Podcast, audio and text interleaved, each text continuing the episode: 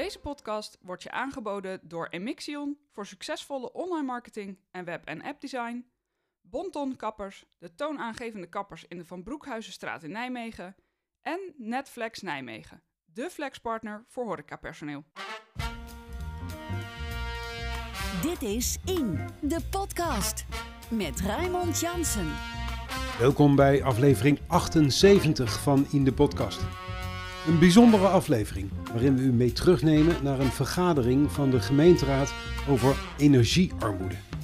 Want veel Nederlanders, en dus ook Nijmegenaren, komen in de problemen vanwege de hoge energiekosten als gevolg van de oorlog in Oekraïne. Onlangs werd de gemeenteraad bijgepraat over het plan dat wethouder Brom van armoedebestrijding en van Elveren van Financiën maakte om armoede door stijgende energiekosten tegen te gaan. Dit gebeurde in een zogenaamde technische toelichting, waarin het plan eerst aan de raadsleden wordt gepresenteerd, waarna raadsleden de kans krijgen om hier ook vragen over te stellen. Ook de wethouders reageren later op vragen en opmerkingen van raadsleden. Het overleg duurde iets meer dan een uur en geeft een mooie inkijk in de aanpak van de gemeente om armoede onder inwoners tegen te gaan.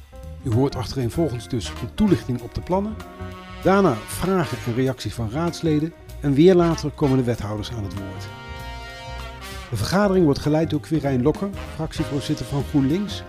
Hij begint met het noemen van de namen van de aanwezige raadsleden. Goedenavond, welkom op de politieke avond van woensdag 9 november. Het is 9 uur en we bevinden ons in de raadzaal. Hier staat de aanpak van energiearmoede op de agenda. Voor de bandopname noem ik de raadsleden en fractievolgers die aanwezig zijn bij deze bespreking. Dat is de heer Verschuren namens D66, mevrouw Lauret namens Partij voor de Dieren, de heer Uphoff namens de SP, de heer Zijlstra namens CDA, de heer Hussen namens GroenLinks, de heer Bakker namens de VVD, eh, mevrouw Krol namens de Stadspartij en de heer Galiajevic namens de PvdA. En vanuit het college zijn aanwezig wethouder Brom en wethouder van Elferen. We starten zoals gezegd met de presentatie. Daarvoor is aangeschoven de heer Jan-Martin de Hoop, projectleider kernteam van de energiecrisis. En ik wil u graag als eerste het woord geven. En dan mijn vraag gelijk, wat vindt u prettig? Eerst de toelichting en dan de vragen. Of kunnen de vragen ook tussendoor worden gesteld? Uh, de vorige keer deden we het aan het einde en dat werkte volgens mij uh, goed. Dan Dus, doen we ja. dat uh, wederom nu ook. En dan heeft u het woord. Gaat gang. Uh, goedenavond allemaal. Uh, hier staat uh, de titel. Dat, is eigenlijk de missie. Uh, help Nijmegen de winter door. En in bijzonder aandacht vandaag voor de oplossingsrichtingen. Met oplossing tussen aanhalingstekens. Omdat we deze crisis natuurlijk... we kunnen daar een, positieve bijdrage aan leveren om de, de problematiek te verzachten. Maar um, hem oplossen als gemeente, dat wordt een hele lastige opgave. Um, programma. Ik zal even kort stilstaan bij het proces. Dus waar staan we nu, wat is er geweest en wat gaat er komen. Uh, een korte terugblik op de probleemstelling en de, en de opdracht. Daar zal ik niet te lang bij stilstaan, omdat ik drie weken geleden hier ook ben geweest. En een presentatie heb gegeven. En jullie ook een brief hebben gekregen van het college vorige week. Dan de, wat dieper ingaan op de, op de oplossingsrichtingen. En uiteraard daarna ruimte voor vragen. Um, eind september is het eigenlijk gaan, uh, dit gaan lopen. Uh, de, de, de, oplopende prijzen, energieprijzen, uh, loopt al meer dan een jaar. Maar in augustus ging het ineens heel hard. en um, is besloten, we moeten nu echt met een crisisaanpak komen. eind september is in college de probleemanalyse besproken. En besproken van wat vinden wij wel en niet onder deze crisisaanpak vallen. De dag erna uh, zijn er twee moties in de raad aangenomen die hier sterk mee samenhangen. Eentje gaat echt rechtstreeks over de crisisaanpak eigenlijk. Die heet Als de nood hoog is, is de gemeente nabij. Jullie kennen hem, uh, neem ik aan. De andere gaat over ontbijt op school. Wat hier ook zeker zijdelings mee te maken heeft. Um, op 12 oktober was er een avond zoals deze. Met een presentatie over de probleemstelling. En toen zijn er ook een paar toezeggingen gedaan door wethouder Brom. En uh, het zit ook in, de, in het voorblad. En 18 oktober is uh, aan het college de, zijn de oplossingsrichtingen uh, die wij ambtelijk voorstelden gepresenteerd. En op 1 november heeft het college een besluit genomen over de, de interventies, de crisisinterventies. En op die dag hebben jullie daar ook een brief over ontvangen met informatie daarover. Uh, ja, en vandaag bij de informerende en openierende gespreksronde. En zoals de voorzitter al zei, volgende week de Kamerronde of de, de voorbereidende gespreksronde. En um, eind november de besluitenronde. En dat besluit heeft met name betrekking op de begrotingswijziging. Uh, om uh, dit hele verhaal mogelijk te maken. Dus eerst even een korte terugblik op de probleemstelling. Uh, hier ga ik snel doorheen, want dit hebben jullie al uh, gezien. Maar uh, de conclusie van deze sheet was dat we op basis van alle signalen in de stad, bij organisaties, bij inwoners, bij cliëntenraad, tot een hele rij aan problemen kwamen. en dat we concluderen dat de, de, impact heel breed was en dat het ook allerlei nevengevolgen heeft. En dat het ook um, eigenlijk alle programma's raakt. Dus hier zitten twee portefeuillehouders aan tafel. Uh, maar uh, het raakt eigenlijk uh, misschien de ene programma wat directer dan het andere, maar eigenlijk alle, alle programma's van de gemeentebegroting. Uh, en het, jullie ontvangen hierna ook de presentaties, dan kunnen jullie het rustig nalezen. Natuurlijk begint het bij de, de energiearmoede. Of dat, is, het, is dat een groot probleem, dat mensen de rekeningen niet meer kunnen betalen. maar dus ook, er zitten ook een aantal andere gevolgen en hier zie je de, eigenlijk een samenvattende sheet van de voorgaande twee, waarin we hebben proberen duidelijk te maken dat het een ook het ander kan vergroten of kan versterken. En een voorbeeldje is bijvoorbeeld de houtstook, dat wordt daar genoemd luchtkwaliteit. Dat is misschien niet het eerste waar je aan denkt als het gaat over energiearmoede, maar het is wel een gevolg dat meer mensen hout gaan stoken. Ik zal het er niet allemaal uitpakken, maar ook deze kunnen jullie rustig nalezen. Rechtsbovenin uh, verschillende doelgroepen zitten ook misschien wat verrassende doelgroepen. Of, of, daarmee bedoel ik doelgroepen die we niet zo normaal gesproken heel goed kennen of bedienen vanuit ons uh, sociaal domein. Maar die wel sterk geraakt worden. Zoals bijvoorbeeld middeninkomens. Uh. Um, we concluderen tegelijkertijd dat het de problematiek heel individueel is. Dus het wil niet zeggen dat als je een laag inkomen hebt, dat je per definitie je rekeningen niet kan betalen. En andersom niet dat als je een hoger inkomen hebt, dat je goed zit. Het hangt ook onder, af, onder andere af van, uh, van gedrag, maar vooral ook van je energielabel bijvoorbeeld. En of je een variabel contract hebt. We concluderen dat uh, voor meer dan 10% sprake is van energiearmoede. Dus dat meer dan 10, um, ja, bij meer dan 10% van de huishoudens uh, het een groot deel van hun, inkomen opgaat aan de energierekening. Dat een kwart van de huishoudens financieel kwetsbaar is. Dat uh, meer dan de helft van de Nijmegenaren, Nijmeegse huishoudens een variabel energiecontract heeft. Dus de, huidige tarieven betaalt. En dat uh, ruim de helft niet energiezuinig is. Dat wil zeggen C of lager. Um, en ondertussen blijft natuurlijk nieuwe informatie binnenkomen. Uh, die blijven we verwerken. Gaan we niet elke keer tot een detail presenteren hier. Maar we hebben inmiddels meer beeld over wat voor soort bedrijven het bijvoorbeeld raakt. De energie-intensieve bedrijven en welke. Uh, in hoeverre de betalingsachterstanden ontstaan bij energieleveranciers. En uh, wat ook de kosten zijn voor de corporaties en voor de gemeenschap als we het tot een uithuiszetting laten, laten leiden. De opdracht die uh, het college eigenlijk aan het crisisteam gaf is, was om oplossingsrichtingen op basis van een probleemanalyse uit te werken en voor te leggen aan college. En uh, daarbij te richten op inwoners en instellingen die, ondanks alle regelingen die we als gemeente al kennen en die het Rijk heeft, toch uh, met de rug tegen de muur aan staan. En het moeten oplossingsrichtingen zijn die um, op korte termijn uh, effectief zijn en uitvoerbaar zijn. Uh, we hebben, zijn best wel tijd gestoken in de scenarioontwikkeling, dus om te kijken van wat, welke kanten zou het op kunnen gaan. Uh, en dat is best een ingewikkelde, want er zijn in principe uh, oneindig veel factoren die zouden kunnen bepalen uh, in hoeverre deze, of hoe deze energiecrisis zich gaat ont ontwikkelen. tot en met wat, wat, Rusland precies in Oekraïne doet aan toe.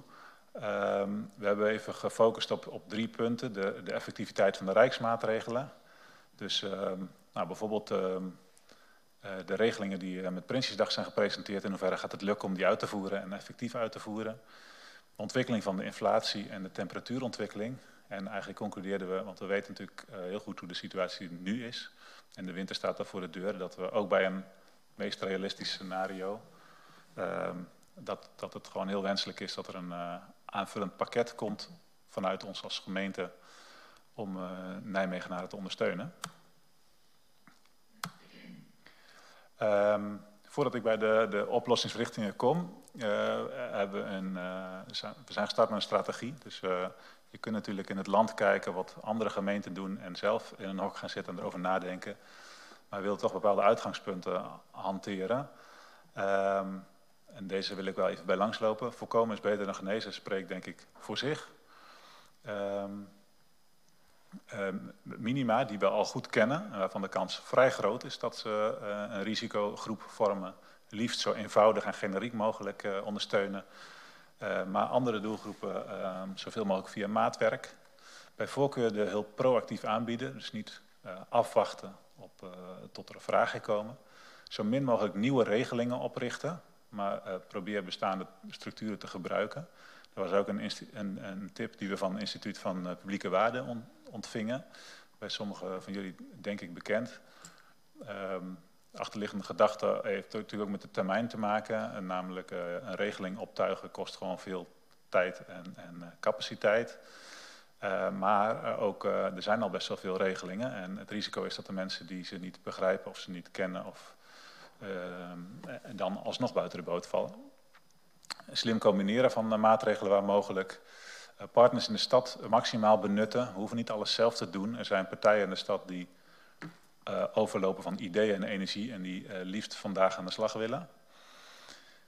Uh, uitnutten van bestaande taken en beleidsinitiatieven. Rekening houden met schaamte en stigma die er rondom het thema heerst. Um, en rekening houden met de ambtelijke formatie. En daar kom ik straks nog even uitgebreider op terug. Ik, ik zeg alvast, niet alle uiteindelijke gekozen, um, niet, niet, alle door het college vastgestelde interventies voldoen hier 100% aan. Maar het, was wel, het waren wel de uitgangspunten waar we geprobeerd hebben zoveel mogelijk uh, aan vast te houden. Um, deze zal ik ook niet te lang bij stilstaan. Dit zijn de buitenste ring eigenlijk, is het, type interventies waar je aan zou kunnen denken. Dit zijn niet de zes interventies, maar dit zijn categorieën waarin je zou kunnen denken. Dus bijvoorbeeld het verstrekken van spullen of geld, maar je kunt ook denken aan regels versoepelen of um, voorlichting verstrekken enzovoorts. Um, de volgende sheet zijn de, zijn de interventies, maar bewust ook even stilstaan bij wat we al doen. Het is wel even goed om te bedenken dat, um, uh, en, het, en uh, bij jullie is het ook bekend, maar dat, dat er vanuit het hele land vanuit de EU, vanuit het Rijk, maar ook door ons als gemeente Nijmegen al heel veel gebeurt. Dus het is niet zo dat we nu gaan starten met het ondersteunen van mensen die moeilijk rondkomen of um, die een slecht geïsoleerde woning hebben. Uh, we hebben natuurlijk vanuit de reguliere lijn al jaren een uitgebreid armoedebestrijdingspakket en een, en een duurzaamheidsaanpak. En deze lijst is uh, ongetwijfeld ook niet volledig, maar het geeft wat weer over wat er al gebeurt. Nou, de energietoeslag is hier geloof ik zojuist besproken. Maar dat is een voorbeeld ervan. Uh, project vroegsignalering van schulden, ondernemerspunt geldzorgen die een maand geleden gestart is of geopend is. Uh, nou ja, u kunt het hele lijstje nalezen. Um, voor ons als organisatie en voor jullie als gemeenteraad kan ik me voorstellen dat het, dat het, zin, het onderscheid zinvol is tussen wat we als tijdelijke crisisaanpak intensiveren en wat we normaal vanuit de reguliere begroting en de reguliere be beleid doen. Um, in de communicatie naar de inwoner uh, is dat misschien iets minder relevant. Uh, in het kader van wat voor structuur of governance wij iets aanvliegen. Uh, dus ja, het advies is ook om gewoon wel het als één pakket naar buiten toe te presenteren en een, en een duidelijk overzicht te bieden naar inwoners. Van wat we doen, wat we doen en intensiveren en wat nieuw is. Dit zijn, um, ja, de titel klopt eigenlijk niet meer, maar er staat welke oplossingsrichting stellen wij voor. Maar intussen heeft het college um, het vastgesteld uh, op 1 november. Dus dit zijn de, de, de, de, oplossingsrichtingen die jullie ook in de brief terugzien. Uh, het noodfonds voor inwoners, daar uh, is een, um, wil het college een miljoen voor vrijmaken. En dat is echt een maatwerkfonds dus dat is niet een, een, regeling die op de site komt te staan en waar je een formuliertje voor kan invullen om, uh, en dan krijg je geld overgemaakt. Dit is, uh, dit is bedoeld voor inwoners die zich melden bij reguliere organisaties in de stad, zoals buurteams, Bindkracht 10, Financieel Expert in de Wijk, Voedselbank enzovoort. Um, en, en waarbij uh, ja, ondanks alle regelingen die er zijn, toch geconstateerd wordt dat mensen tussen de wal en het schip belanden. Dan kan er um, een oplossing op maat snel gezocht worden. Um, wat hier, um, het lijkt een beetje op de doorbraakaanpak die denk ik bij sommigen van jullie bekend zal zijn. Het gaat hier specifiek aan, om mensen die door de energierekening in de knel komen. En wat er ook anders is, is dat we ja, vanwege de de beperkte tijd die er is en de beperkte capaciteit die er is, ook veel vertrouwen gaan hebben in de professionals, uh, de, de, partners in de stad. Dat betekent dat we er altijd zelf nog naar kijken voordat wij een bedrag overmaken, maar dat het wel, uh, uh, we, we, vertrouwen ook op de inspanningen van, van bijvoorbeeld de financieel expert in de wijk die aangeeft als het iets nodig is. Um, daarbij geldt wel dat als het om grote bedragen gaat of als het groot risico met zich meedraagt, dat er een bestuursteam is gevormd en dat, dat het eventueel zelfs aan college voorgelegd kan worden. Maar dat zal uiteraard niet voor elke, elk geval gaan, want dan gaat het heel, heel lang duren. Noodfonds voor maatschappelijke instellingen, de tweede. Dat gaat over, gaat over vitale, maatschappelijk belangrijke organisaties in de stad, zo, zoals um, bepaalde verenigingen en en uh, bijvoorbeeld welzijnsinstellingen. Het zijn met name gesubsidieerde instellingen. En, en op het moment dat zij in liquiditeitsproblemen komen als gevolg van de energieprijzen, dan hebben wij 3 miljoen vrijgemaakt om ondersteuning te kunnen bieden. we gaan ook daarbij niet, er, is een, is een afwegingskader, die zal ik nu niet hier in detail doorlopen, maar gaat natuurlijk niet klakkeloos verstrekken als iemand om geld vraagt. Um, ook dat is uiteindelijk wel maatwerk.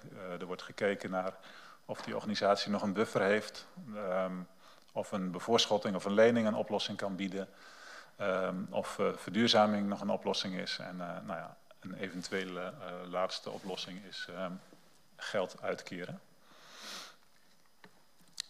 die staat er niet bedrijven bij, dat valt jullie misschien op, maar dat heeft ermee te maken dat op het moment dat dit is voorgesteld aan of eigenlijk nog steeds, nu nog steeds, is nog niet bekend wat het Rijk precies daarin gaat doen in de ondersteuning richting bedrijven. Uh, in het collegebesluit staat wel dat op het moment dat daar meer duidelijkheid over is en aanvullende actie nodig is, dat, uh, dat daarop teruggekomen wordt richting de Raad. En nu zit in deze tweede interventie dus niet, niet ondersteuning aan bedrijven.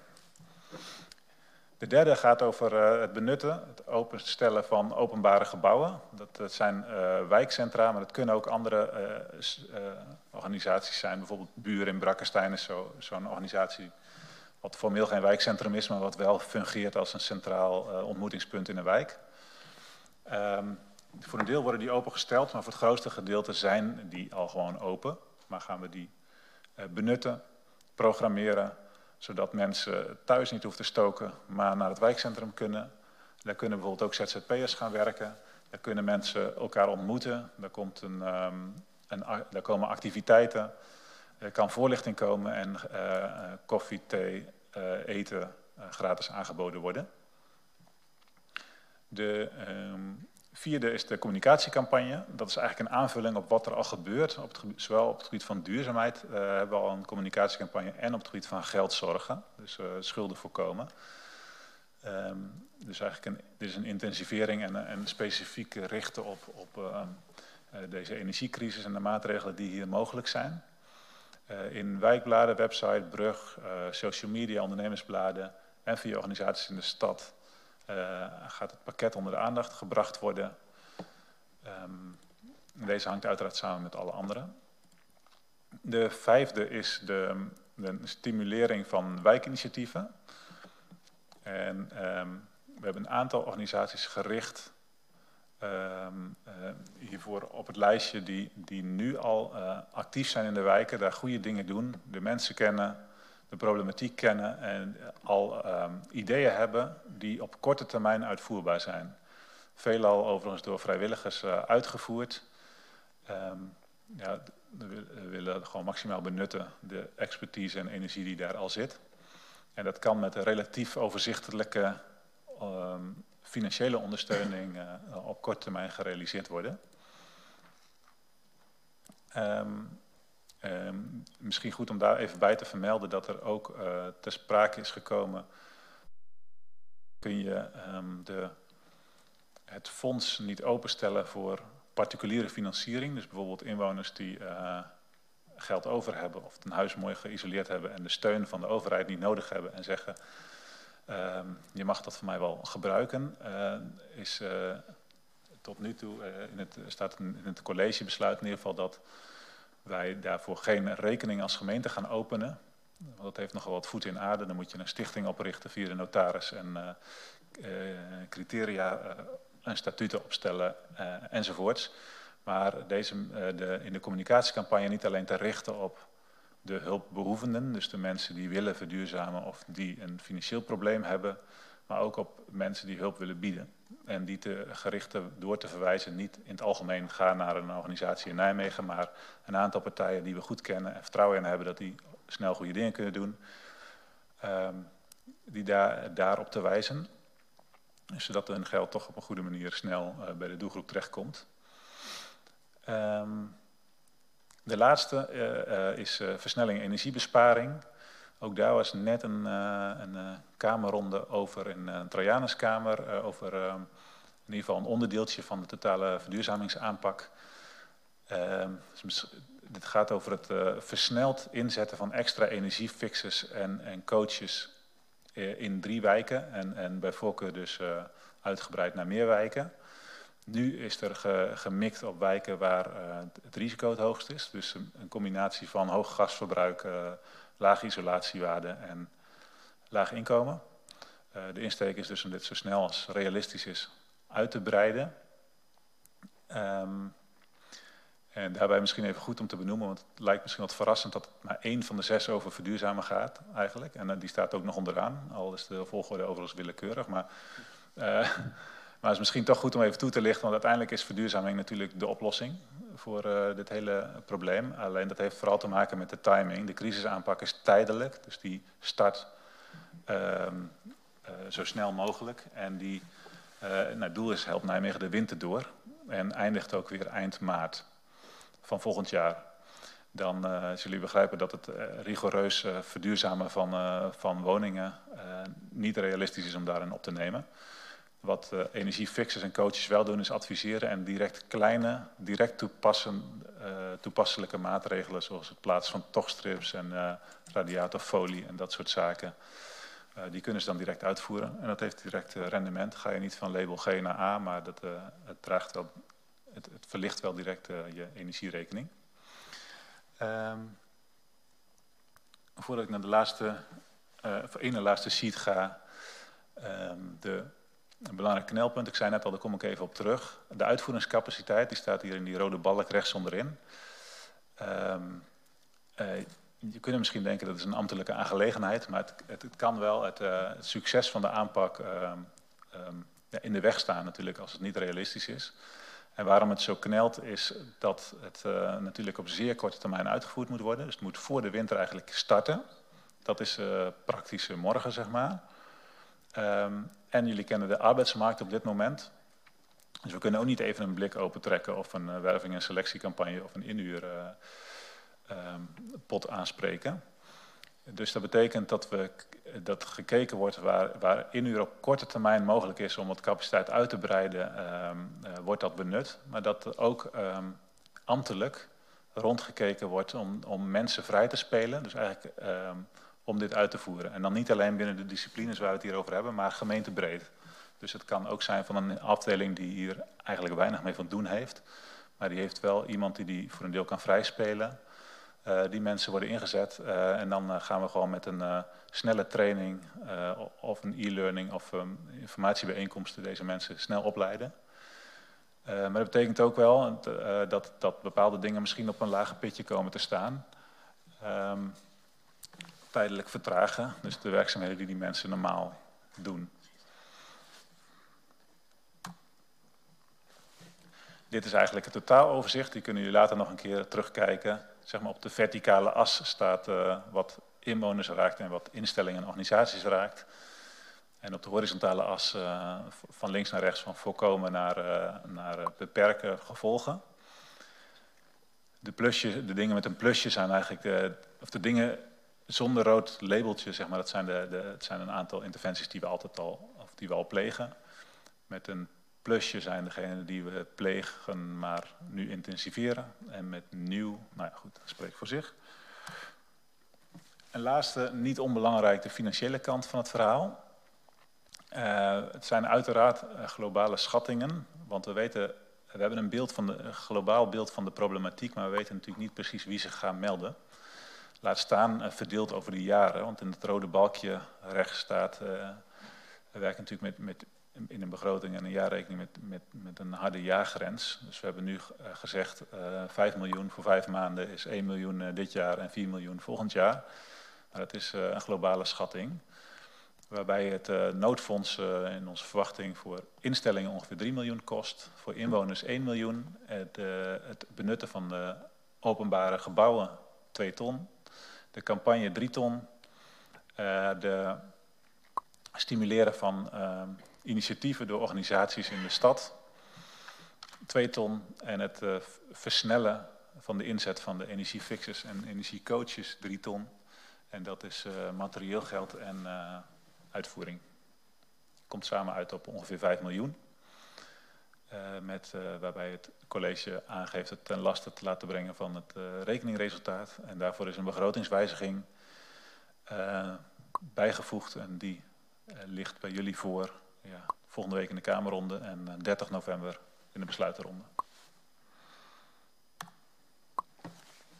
Zover. Dankjewel. Met het oog op de tijd ga ik even kijken wie er allemaal technische vragen heeft. Want dan probeer ik ze even te verzamelen. Ik zag, nee, ik zag de heer Hussen namens de fractie van GroenLinks. Uh, andere technische vragen? Ja, de heer Verschuren namens D66. En oh, nu komen uh, dan zie ik nog de SP en de PvdA. Uh, dan ga ik beginnen bij de heer Hussen namens GroenLinks. Gaat u gang. Dankjewel, voorzitter. Uh, voorzitter, ik heb een vraag. Maar ik heb een aantal vragen. Mijn eerste vraag gaat over het uh, particuliere noodfonds. Uh, we spreken daarover over een energiecrisis. Maar hebben we ook doelen in, in, in dit verhaal om energiearmoede te bestrijden? Ja, u mag eerst al uw vragen stellen, oh, en dan, want dan gaan we even kijken wat De tweede vraag die ik heb is, waar kunnen individuen en bedrijven en andere mensen terecht die een geleidelijke eh, of een bijdrage willen geven ter verlichting van de energiearmoede. Hè. Bijvoorbeeld die mensen die die 190 euro zouden willen uh, storten of uit willen geven. Uh, mijn derde vraag is, uh, we hebben het steeds over een kort termijn en ik begrijp dat, dat dat tot eind maart is. Maar tegelijkertijd moeten we ook denken aan de toekomst. Wordt daar al over nagedacht? En mijn laatste vraag is, die, dat gaat om het noodfonds rondom maatschappelijke instellingen. Vallen hier ook culturele instellingen onder? Dat was me niet helemaal duidelijk. dank u wel. Dan ga ik nu naar de heer Verschuren namens D66. Ik heb een technische vraag. Het raakt misschien ook een beetje aan een politieke vraag. En dat is, Um, er wordt gezegd in, in de uitvoering en de, de, capaciteit die daarvoor beschikbaar is of nodig is op korte termijn, uh, dat er mogelijk andere, of andere werkzaamheden in de wacht komen te staan. Is al duidelijk, is gewoon een afweging, keuze gemaakt welke werkzaamheden dat dan zijn. Um, dat is de vraag. Uh, die zou heel technisch kunnen zijn, maar ik vermoed dat die wat politieker van aard is, maar dat gaan we zo horen. Uh, dan de heer Uphoff namens SP. Uh, dank voorzitter. Uh, een aantal korte vragen. Um, allereerst, ik zag eerder bij volgens mij de eerdere presentatie het getal langskomen van zo'n 200 ideeën die hierbij opkwamen. Is er misschien een soort indicatie over welke soort ideeën uiteindelijk zijn afgevallen? Bijvoorbeeld omdat ze niet uitvoerbaar waren. Um, Vervolgens in lijn met eigenlijk de vraag van D66. Wat ons betreft, betreft, is het iets anders als we bijvoorbeeld grondvest niet meer mee organiseren... dan als mensen straks geen paspoort meer kunnen aanvragen. Dus welke, waar moeten we aan denken bij uh, de selectie... Um, ja, hoe wordt er naar gekeken? Zeker als u hem zo stelt, denk ik dat het een politieke vraag is. Um, dan ga ik proberen om iets technischer te maken. Ik zou voorstellen om te kijken of, of uh, de heer De Hoop zo meteen de technische gedeelte van uw beide vragen kan beantwoorden. Mocht dat niet uh, lukken, dan uh, komt dat zeker aan de rechterzijde helemaal goed. Is goed. en dan als laatste vraag, er staat dat de geschatte kosten 5 miljoen zijn. is daar een onderbouwing van? Bijvoorbeeld is er een idee dat met die 1 miljoen voor dat noodfonds voor inwoners, dat daarmee de grootste problematiek ook verholpen is? Of is dat omdat er binnen bepaalde kaders uh, gekeken moest worden?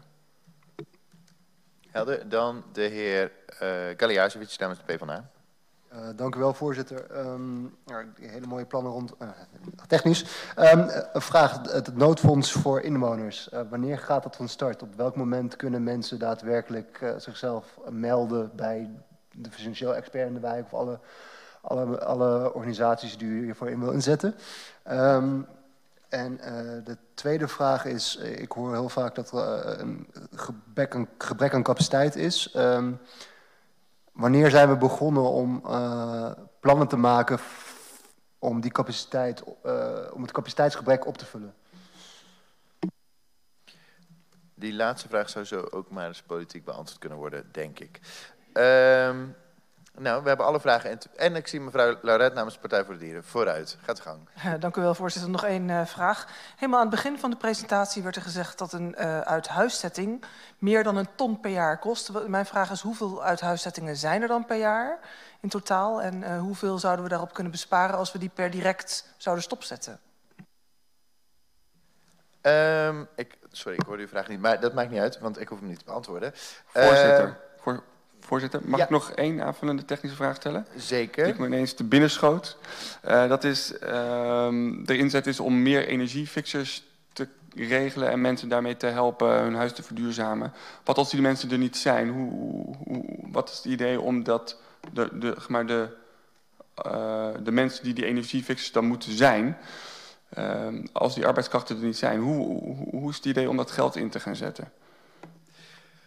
Ook dat is volgens mij potentieel een politieke vraag. Dus we gaan het uh, met een beetje hulp van de griffier heb ik dit zojuist opgelost. Om uh, meneer De Hoop niet in allerlei uh, bochten te laten wringen. Ga ik eerst vragen aan het college rechts naast mij om de politiek geladen vragen te beantwoorden. En daarbij wel ook dan de neiging te onderdrukken om dan ook de technische vragen waar u toevallig antwoord op weet, dan ook antwoord op te geven. Gaat uw gang. Goed. Um, ik zal beginnen met de laatste vraag. Uh, wat nou als we die energiefixers niet kunnen vinden? Nou, het bedrag zoals u het hier in de presentatie heeft gezien... is een bedrag waarvan wij ook denken dat we, het kunnen dat we er iets aan hebben. Daar is, op, is het op gebaseerd. Daarom is het ook eigenlijk helemaal niet zo gek hoog... want je kunt niet morgen uh, alle uh, 5000 energiefixers de straat op sturen... want die, die, mensen zijn er gewoon niet. Dus uw vraag van, ja, wat nou als we ze niet vinden... dit is het bedrag waarvan wij denken dat we het zowel energiefixers als energiecoaches... kunnen, kwijt kunnen, zal ik maar even zeggen. Uh, dat, is dus, dat is dus ook enigszins beperkt en dat is ook het voorbehoud uh, dat de heer De Hoop ook maakte. Van, ja, uiteindelijk is het natuurlijk, uh, je wil zo snel mogelijk zoveel mogelijk doen. Um, mevrouw Laurets stelde de vraag, uh, wanneer, wanneer zijn wij begonnen met het oplossen van het capaciteitsgebrek? Ja, u kijkt, u kijkt me nu kritisch aan. Dan, ja, dat was een vraag van de fractie van de PvdA. Oh, goed. Dan moet ik daarvoor het ook achter zetten, ja. Um, in ieder geval, um, uh, meneer Kajasjevic stelde mij de vraag... Wanneer, beginnen wij, wanneer zijn wij begonnen met het oplossen van het capaciteitsgebrek? Ja, ik zou bijna willen zeggen, was het maar zo'n uh, zo'n feest... dat we hierdoor pas capaciteitsgebrek kregen. De, de hele gemeente staat al uh, onder hoogspanning door een tekort aan mensen. Dat verschilt een beetje per afdeling. Maar we zijn dus, zeg ik even als wethouder PNO, hè, dus het is, een, het is een voortdurend probleem. En dat is dus hiermee in feite nog groter geworden. wat hier de bijzonderheid in is, is dat we dus ook mensen van hun werk trekken om, om hier aan mee te gaan werken. En dat is de bijzonderheid. Maar dat we het capaciteitsprobleem nog binnen de looptijd van dit programma op kunnen lossen, dat is niet de illusie, zeg maar. Dan de heer Brom. Ik hoop dat ik het allemaal goed opgeschreven heb. Uh, culturele instellingen. Uh, we hebben als doelstelling hebben wij staan een vitaal maatschappelijk belang. Dus uh, je moet dan even een voorstelling maken als wij een, een culturele instelling hebben, bijvoorbeeld een toneelvereniging die gestookt moet worden en die één keer per, per week een voorstelling geeft, die wordt natuurlijk niet geholpen. De grotere instellingen die acuut nodig hebben, die, die worden natuurlijk wel geholpen. Uh, ik zie een beetje een vraagteken bij u, mevrouw Loret. Dat betekent eigenlijk, uh, het moet wel van een uh, enige, toch van een maatschappelijk belang moet erbij gediend zijn.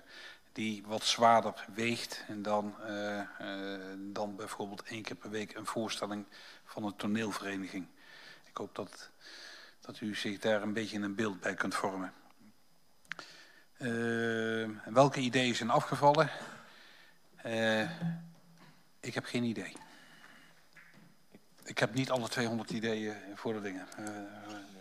Maar misschien, misschien, misschien weet meneer De Hoop uh, dat... Uh... Ik denk dat met name de vraag die, die, um, die politiek geladen is voor u, is, er zijn eigenlijk twee.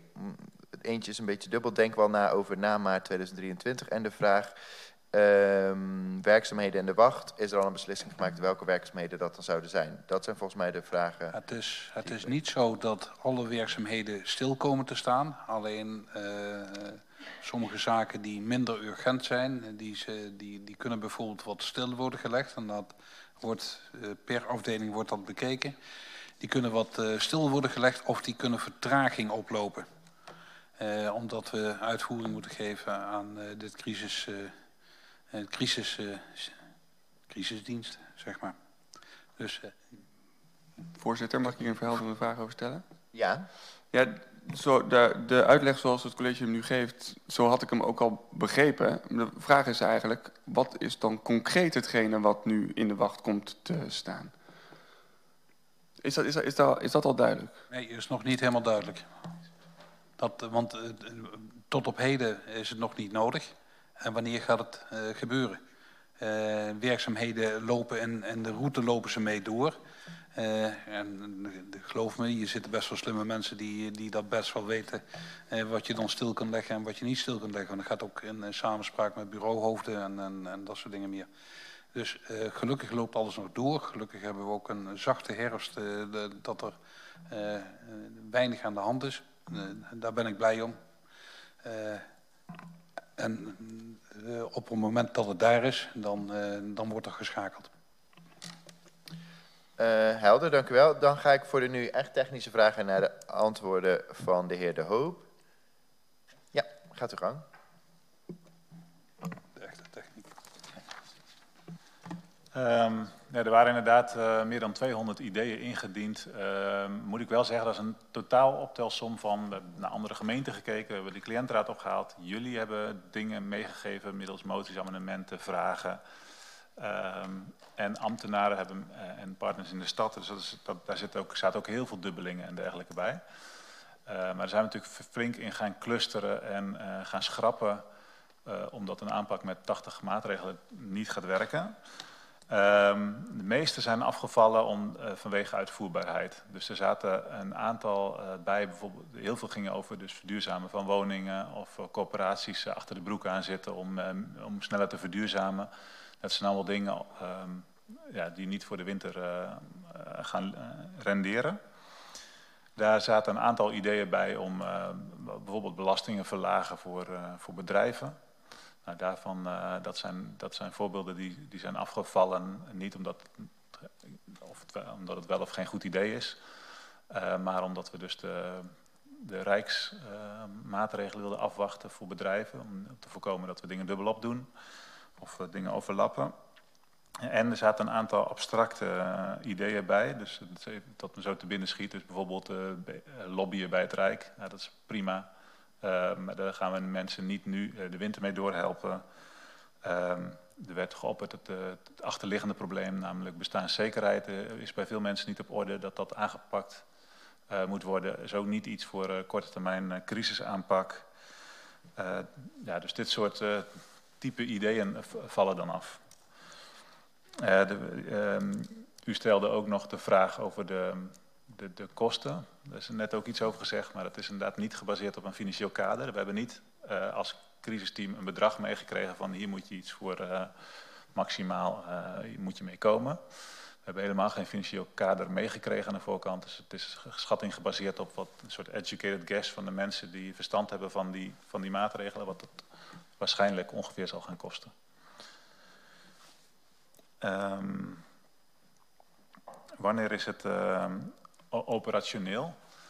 Um, ja, ik ga geen eh, datum noemen, maar uh, dat kan dan al wel vrij snel zijn, want op dit moment is dus die, die, um, die uitvraag intern om collega's anders in te zetten. En organisaties in de stad die zijn er al eigenlijk al klaar voor. Um, ja, dus in ieder geval voordat de winter start kunnen eerst mensen geholpen worden en bedragen uitgekeerd worden. Um, mevrouw Lauret vroeg nog naar de, het aantal uithuisplaatsingen. Ik weet uh, geen exact aantal. Ik weet wel, we hebben contact gehad met uh, coöperaties en met nutsbedrijven. Uh, coöperaties om te vragen hoe ze omgaan met woninguitzettingen en nutsbedrijven hoe ze omgaan met afsluitingen. Um, dat valt trouwens ook onder ideeën die afgevallen zijn. En dan als belangrijkste reden dat de nutsbedrijven is al opgenomen in het uh, Prinsjesdagpakket. Ja, of dat uitgevoerd gaat worden, en hoe dat uitgevoerd gaat worden, moeten we afwachten. Maar in ieder geval het besluit van het kabinet is om um, deze winter geen, um, geen afsluitingen te laten ontstaan als gevolg van betalingsachterstanden. En huisuitzettingen is niet helemaal te voorkomen, maar zijn coöperaties heel terughoudend in. En ze komt heel weinig voor, uh, ook onder andere omdat ze daar zelf helemaal niets aan hebben. Ze hebben in ieder geval gegarandeerd dat het niet gebeurt alleen omdat iemand zijn energierekeningen of zijn, uh, of zijn huren in, ieder geval een paar maanden niet betaalt. Dus er is altijd sprake van een veiligheidsprobleem of een ernstige vervuiling waar de omgeving last van heeft. Dus er is altijd sprake van multiproblematiek voordat er overgaan wordt tot dat laatste redmiddel. Um, even kijken wat ik nog uh, mis. Ja, ja de, die meende ik in de presentatie al een beetje beantwoord te hebben. Maar de vraag over waar, um, uh, die kwam van u uh, volgens mij, waar organisaties of personen terecht kunnen die juist hulp willen bieden in plaats van hulp vragen. Uh, wij gaan dus in de communicatiecampagne niet alleen richten op hulpbehoevenden, maar ook op mensen die hulp willen bieden. En hen gericht verwijzen naar een paar organisaties in de stad, die overigens ook een ambi-status hebben, dus dat is belastingtechnisch ook interessant. En waar wij gewoon van weten dat die snel goede dingen doen voor inwoners in Nijmegen. Ja, ik uh, heb alles doorgekrast. Um, dus uh, ja, dat weet, wil niet zeggen dat ze kan. Nee, ze zijn volgens mij allemaal langs geweest. Ik kijk even of er nog mensen zijn die een vraag missen. Ik zie de heer Husse. Nee, toch niet. Dat is fijn. Um, dan wil ik allereerst de, de heer De Hoop van harte danken voor de uh, technische toelichting um, voor deze keer. Um, en we zien u sowieso volgende maand volgens mij weer terug. Dan gaan we door met de onderwerpen die zijn aangedragen door de fracties. We hebben daar nog 18 minuten voor. Um, dus ik wil beide fracties die dat hebben gedaan vragen om het ook zo kort mogelijk uh, te doen. We starten met een twee of een drietal vragen vanuit de fractie van de PvdA. Uh, en daarna komen de onderwerpen van het CDA aan het bod. Um, en daar is dus ook eerder verwezen naar, die memo. En er is nog één vraag bijgekomen. Daar geef ik uh, u graag het woord. Gaat gang. Dank u wel, voorzitter. Ik kan het ook wat korter houden. Eén vraag is al beantwoord, dus uh, die ga ik niet stellen. Um, ik heb een, ook wel aan de hand van de beantwoording heb ik een aantal aanvullende vragen. Is daar ruimte voor, voorzitter? Uh, ja, maar die zou ik dan in zometeen, als alle onder, onderwerpen voorbij zijn geweest, okay. om, het, om het dan te doen. Ja. Ja, dan ga ik me vragen stellen over um, uh, de lange termijn aanpak. Um, en de 1,5 miljoen die er beschikbaar is voor do-it-selfers en energiefixers. Um, in de motie, als de nood hoog is, uh, is de gemeente nabij hebben ook opgeroepen om te komen met een lange termijnplan. Uh, wij willen de wethouder vragen wanneer, uh, de wethouders, wanneer het, het lange termijnplan naar de raad komt. En dan zal ik straks de, de andere vraag stellen. Dank u wel. Dank u wel. En volgens mij waren van het CDA waren meer bespreekpunten voor de raad. Of had u want dan gaan we eerst even naar de beantwoording van deze vraag en dan kom ik daarna bij u terug. Um, dan kijk ik wie van de collegeleden ik daarover het woord mag geven. De heer Van Elferen gaat zijn gang. Um, ik, ik hecht eraan uh, om, om heel even kort wat dingen uit elkaar te trekken, om het zo duidelijk mogelijk te uit te leggen. Wat u net heeft gezien, is wat we binnen de aanpak van deze uh, energiearmoede aanpak gaan doen. Daar zit dus bijvoorbeeld 0,3 in voor de uit 0,3 uh, 0,3 miljoen is dat dan, 3 ton, uh, voor de uitbreiding van de energiefixers. Die parkeer ik nu even, hè? dat gaan we doen. Daarnaast uh, krijgt deze gemeenteraad voor het eind van deze maand onze structurele aanpak energiebesparing. Dat is een structurele aanpak. Dus dat heeft, uh, ik zou niet zeggen niet niks te maken met deze winter, want uh, ik hoop dat zoveel mogelijk mensen er meteen mee aan de slag gaan.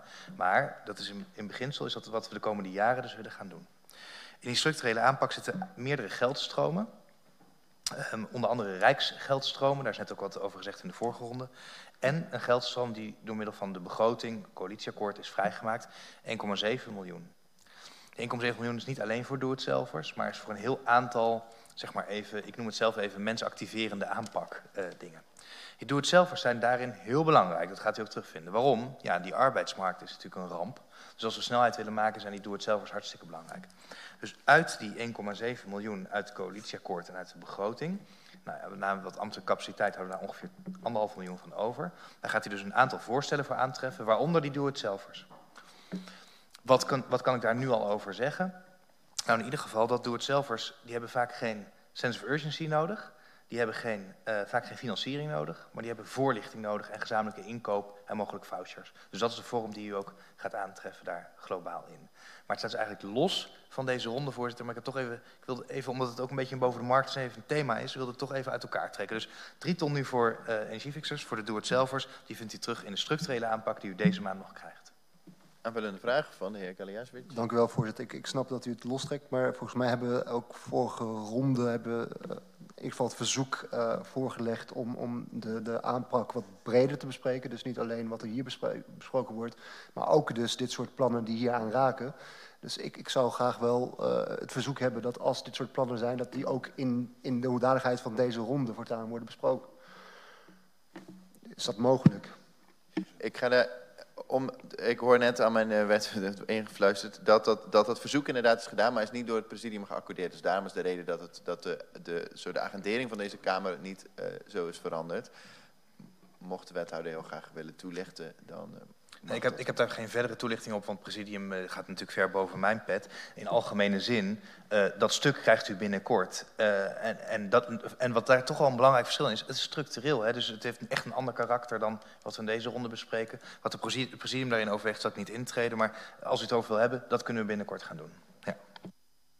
Helder, dank u wel. Dan um, ga ik nu het woord geven aan de uh, fractie van het CDA. Die hebben een tweetal onderwerpen volgens mij uh, aangedragen en ook het verzoek om het kort te houden. En dan gaan we even kijken hoe ver we uh, komen binnen de tijd. de heer Dijkstra namens het CDA gaat gang. Ja, dank u wel. Um, ja, ik kan een tweetal onderwerpen aan laten dragen. Ik kon er ook zelf bij zijn dankzij een een verschuiving van de agenda. Uh, dat is het eerste, de nieuwsberichten die we waarschijnlijk allemaal hebben zien langskomen omtrent de chronisch zieken. Die uh, veelal meer energie zouden gebruiken dan de gemiddelde Nederlander. Nou moet ik zelf eerlijk bekennen dat ik weinig chronisch zieken in mijn directe omgeving heb. Dus ik had niet echt kijk in hoeverre dit daadwerkelijk financiële problemen oplevert bij deze mensen. Um, maar ik dacht van nou, als er iemand daar wel kijk op heeft, dan is het de wethouder. Dus ik wil graag zijn reflectie horen op is dit een doelgroep die daadwerkelijk heel veel hinder ondervindt? Kan deze doelgroep zijn hel al vinden in de regelingen die wij hebben, al dan niet nu gaan hebben dankzij het plan dat uh, wij net gepresenteerd gaan krijgen? Um, en allicht ook een reflectie van mijn uh, mede-fractiegenoten over um, ja, hoe zij hierin staan. Tweede is het uh, mogelijkheid tot reserveren van vermogen voor onze laagste inkomens. Heel financieel, dat erken ik ook. Um, maar er zijn een aantal energiemaatschappijen omgevallen en die hebben een heleboel geld meegenomen van inwoners die hun maandbedragen al dan niet hoog, al dan niet laag hadden vastgesteld. Ze zijn het in ieder geval kwijt, want je komt achteraan de rij uh, bij de crediteuren. Um, puur financieel, want ik realiseer me ook, voordat ik dat antwoord van de wethouder krijg, dat er mensen zijn die liever toch het maandbedrag alvast betalen, zodat ze niet aan het eind van het jaar een geldbedrag moeten betalen dat ze niet hadden overgehouden. Maar puur financieel bezien is het handiger om natuurlijk weinig maandbedrag te betalen, omdat de afrekening hetzelfde is, uh, maar je niet het risico loopt dat je energiemaatschappij omvalt en er met maandbedrag vandoor gaat. Puur financieel bezien is het ook vermogen. Dus kunnen mensen die in onze inkomensregelingen zitten, dus bijvoorbeeld, um, nou, de bijstand is daar een prachtig voorbeeld van, een bijzondere bijstand ook, maar ook mensen die gewoon een algemeen laag inkomen hebben, uh, deze ruimte hebben die de ruimte om een reservering te maken? Uh, en zo niet, kan dat? Is dat wenselijk? En daar was ik ook eigenlijk op zoek naar een reflectie van de wethouder. Ja, ik met u welnemen, want uh, u, eh, denk ik dat ik eerst ga vragen of het college die vragen wil beantwoorden. Daarna is het natuurlijk vrij om aan de, aan de rest van de raadsleden om daarop te reageren. Maar ik interpreteer de vraag in eerste instantie ook vooral verhelderend naar het college. En dan, ehm, dat is misschien de snelste weg. Dus dan wil ik graag het woord geven aan de heer Brom. Gaat gang. Uh, chronisch zieken die uh, ernstig in de problemen komen, uh, die komen in aanmerking.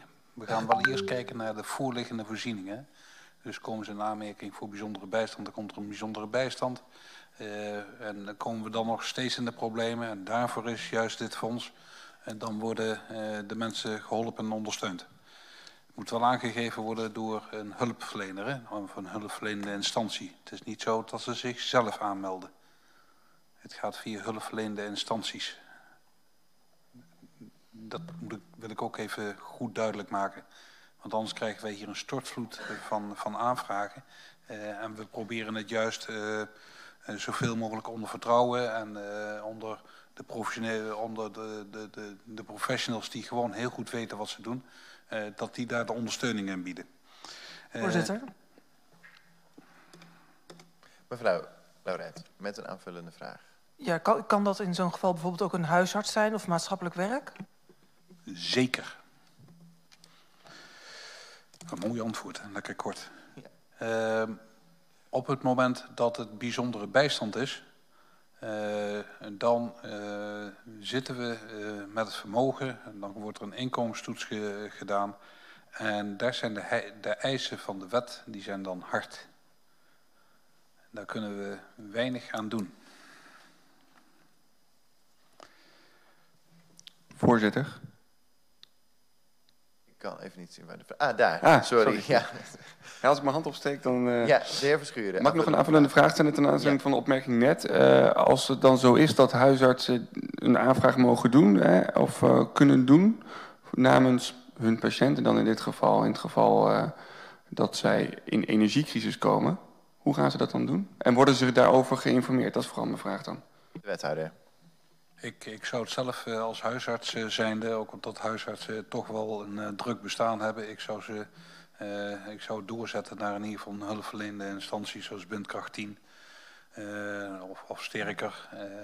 want die weten precies de lijnen hoe dat, hoe dat uitgezet moet worden. En dat scheelt de huisarts in ieder geval heel veel werk. Maar het wordt, de, de huisarts wordt in deze wel heel serieus wordt die meegenomen. Want uiteindelijk dat is een van de eerste vindplaatsen van, uh, van, uh, van een crisis natuurlijk. Ik zie nog een, een aanvullende vraag van mevrouw Lauret en dan ook de heer Dijkstra. Eerst mevrouw Lauret. Ja, ik, ik, ik, begrijp wat u zegt, maar inderdaad is het wel belangrijk van hoe worden huisartsen daarover geïnformeerd. Uh, dat zij dan bijvoorbeeld naar Bindkracht 10 kunnen doorverwijzen als het gaat over energiearmoede. Ik kijk gelijk even naar meneer Dijkstra, want die had ook een aanvullende vraag volgens mij. Nee, die is niet nodig. Dan tussen de, de heer Brom, die volgens mij een antwoord heeft. Nieuwsbrief. Kort maar krachtig. Meneer Dijkstra, toch nog een aanvullende vraag? Ja, ik kan een aanvullende vraag, maar niet over de huisarts. Dus ik dacht, als we daarin zitten, dan oh, nee, nee, nee, prima. kan ik hem daar buiten laten. Uh, over de, de wet is heel hard. Um, dan pak ik hem even daar terug op die tweede vraag. Uh, alleen, wij, ik heb het hier niet alleen over de wettelijke regeling, want wij passen natuurlijk ook een vermogenstoets bij, bij de andere uh, vergoedingen en dingen van Nijmegen. Ik, volgens mij bij de CAZ. Ik ga nu wel een beetje dingen roepen, dat, ben, moet u mij ook, kunt u mij ook betrappen. Um, maar volgens mij zit bij die, al, al die dingen een vermogenstoets en zijn die niet allemaal bij de wet bepaald. Dus het antwoord kan ook zijn, het is niet wenselijk dat mensen het geld reserveren of het is niet mogelijk dat mensen het geld reserveren. Maar kunt u tot een iets uitgebreider antwoord komen dan het mag niet bij de wet voor de bijstand, dus klaar. Het is, en dat kan ik namens college uh, zeggen, het is de grote wens dat mensen geld reserveren. Want als je geld reserveert, dan, dan kun je daar ook een, een, een buffer opvangen om te zorgen dat... Ik, ik, moet wel adviseren als het grote energiemaatschappijen zijn, om het juist daar wel die rekeningen gewoon alvast te betalen. Want je zult een ander tegenvalletje hebben, je, je geld hebben uitgegeven en dan nog een energierekening krijgen. Ik, ik, uh, ik herken uw probleem. en ik kan me niet voorstellen dat het heel veel gebeurt. En het gebeurt. En dit, dit, is wat het is. We zitten aan harde eisen met, rondom het, het, mogen hebben van spaargeld. Helder. Dan kijk ik rond. We hebben nog een aantal minuten voor andere onderwerpen of vragen die nog zijn. Onder andere de heer Galiasevic had nog wat aanvullende vragen. U, uh, ik zie ook de heer Husse. Ik, we gaan gewoon proberen het rondje even te doen. Dan begin ik uh, bij de heer Galiasevic. Dank u wel, voorzitter. Ik ga niet alle vragen stellen, want we hebben volgende week nog een debatronde. twee die ik graag nu zou willen stellen is een, een, vraag van een collega-raadslid over hoe worden bewoners en organisaties geïnformeerd over het nultarief bij wijkcentra. En vanaf wanneer gaat dat in? Dus denk aan het uh, soepie doen. Misschien nog een technische vraag, had ik misschien net moeten stellen. En de tweede vraag is, ik hoor uh, zeggen dat er wordt geen rekening geopend voor het fonds.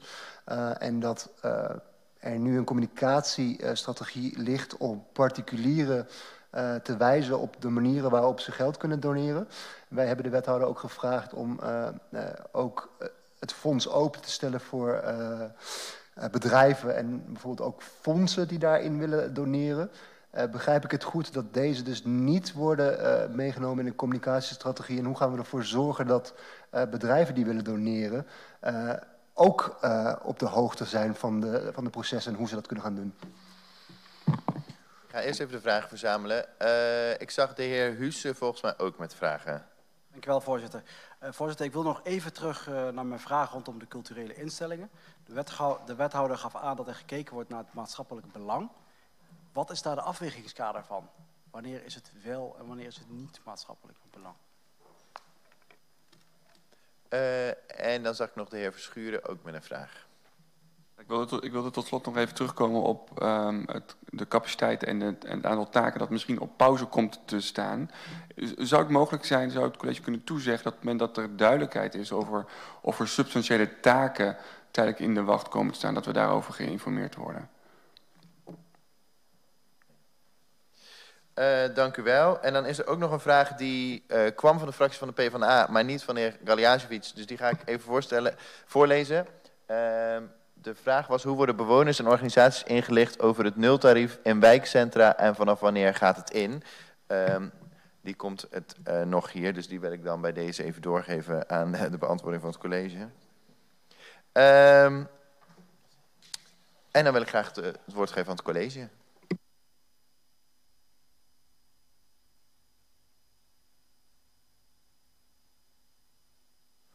Nultarief uh, gaat in op het moment dat uh, de Raad geaccordeerd heeft. Uh, het wordt op de bekende wijze wordt gecommuniceerd binnen de wijkcentra zelf. en, en, daar op social media, dat, soort, dat soort dingen meer.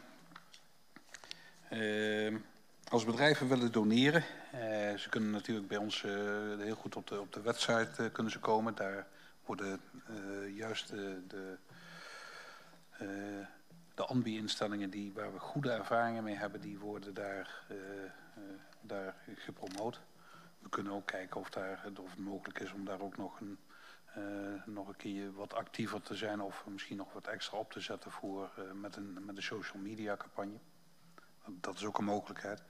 Maar als het echt over grote bedrijven gaat, dan misschien kan ik ook wel economische zaken ervoor in, voor in, inzetten. Uh, afwegingskader. Uh, het afwegingskader gaat gezamenlijk uh, met de professionele organisaties. En daar hebben we vrij veel ruimte in, omdat wij het vertrouwen hebben in, juist in de professionals. Die, die, die doen daarin de juiste stappen die er gedaan moeten worden.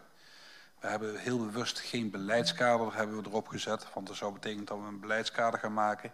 En er valt altijd iemand net buiten het beleidskader. Er valt dan bijvoorbeeld net iemand die uh, een handicap heeft.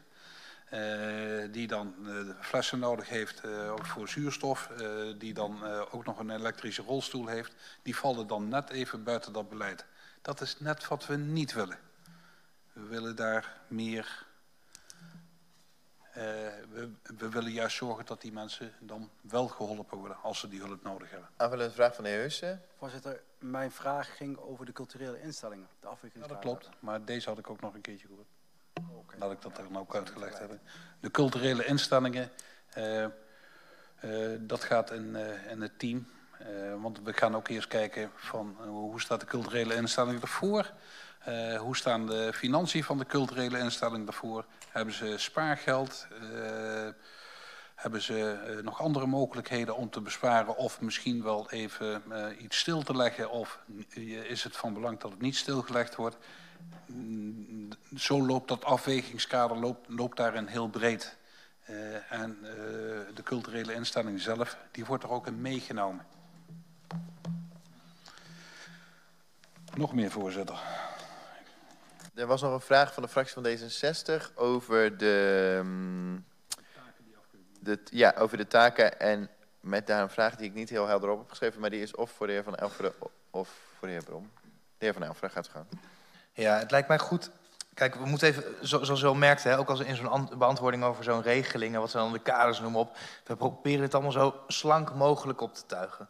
Dus zo min mogelijk grote beleidstukken. En, en, en, en ook naar u. Hè. We zitten vaak met u zo, hè. dan kunt u alles vragen. Maar we schrijven zo min mogelijk grote rapportages uw kant op, zeg ik ook maar even. Om al dat beleid, uh, al die beleidscapaciteit gewoon in te zetten voor wat het is. Dus ik aarzel even om u toe te zeggen dat we uh, bij een significante, uh, bij een signific met iets significants stoppen, dat we dan bij u terugkomen.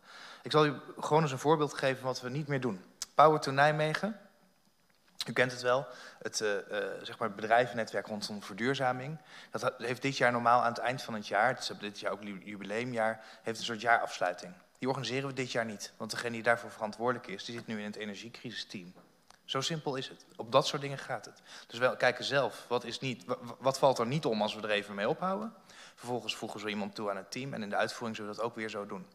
Als het nou wel zoiets is, als het wel iets is, dan kan ik u, uh, kan ik u wel zeggen, ja, we gaan het u laten weten als het een zekere grens overgaat. Maar ja, die grens is voor de ene partij wel wat anders dan de andere. Hè. Mevrouw Lauret heeft bijvoorbeeld heel bepaalde voorkeuren, uh, wat ze heel belangrijk vindt, die soms wat afwijken van, van andere leden van de Raad. Um, uh, dan kan het zomaar zijn dat zij het niet met me eens is of het al dan niet een significante verschuiving van capaciteit is. Dus laten we met elkaar afspreken dat, ik, dat, wij, dat u ons er altijd op mag bevragen, hè. dus geen enkel probleem.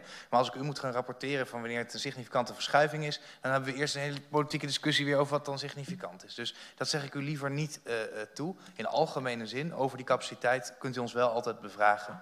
Uh, en ik neem ook aan dat inhoudelijk portefeuillehouders natuurlijk wel bij u terugkomen als ze iets niet kunnen doen wat ze u wel beloofd hebben. Dat, dat, dat spreekt voor zich. Dat geldt u dan binnen alle portefeuilles. Dank u wel. Dan zijn we uh, aan de tijd. Uh, we komen de volgende maand ook hier weer over terug op deze manier. Uh, dus mocht u voor de volgende keer zaken of vragen hebben uh, die u graag beantwoord wil hebben, stuur die uh, dan weer naar de griffier, zodat die op gedeeld kunnen worden met uw, ehm, met uw collega's. Um, en dan komen we daarbij ook aan het einde van deze bespreking. Zoals eerder aangegeven staat het raadsvoorstel vaststellen begrotingswijziging en de brief over de ene voorbereidende gespreksronde. En er zijn tijdens deze bespreking geen toezeggingen gedaan. Dan wil ik u allen hartelijk bedanken en een hele fijne avond wensen en sluit ik deze bespreking. Dit is In, de podcast.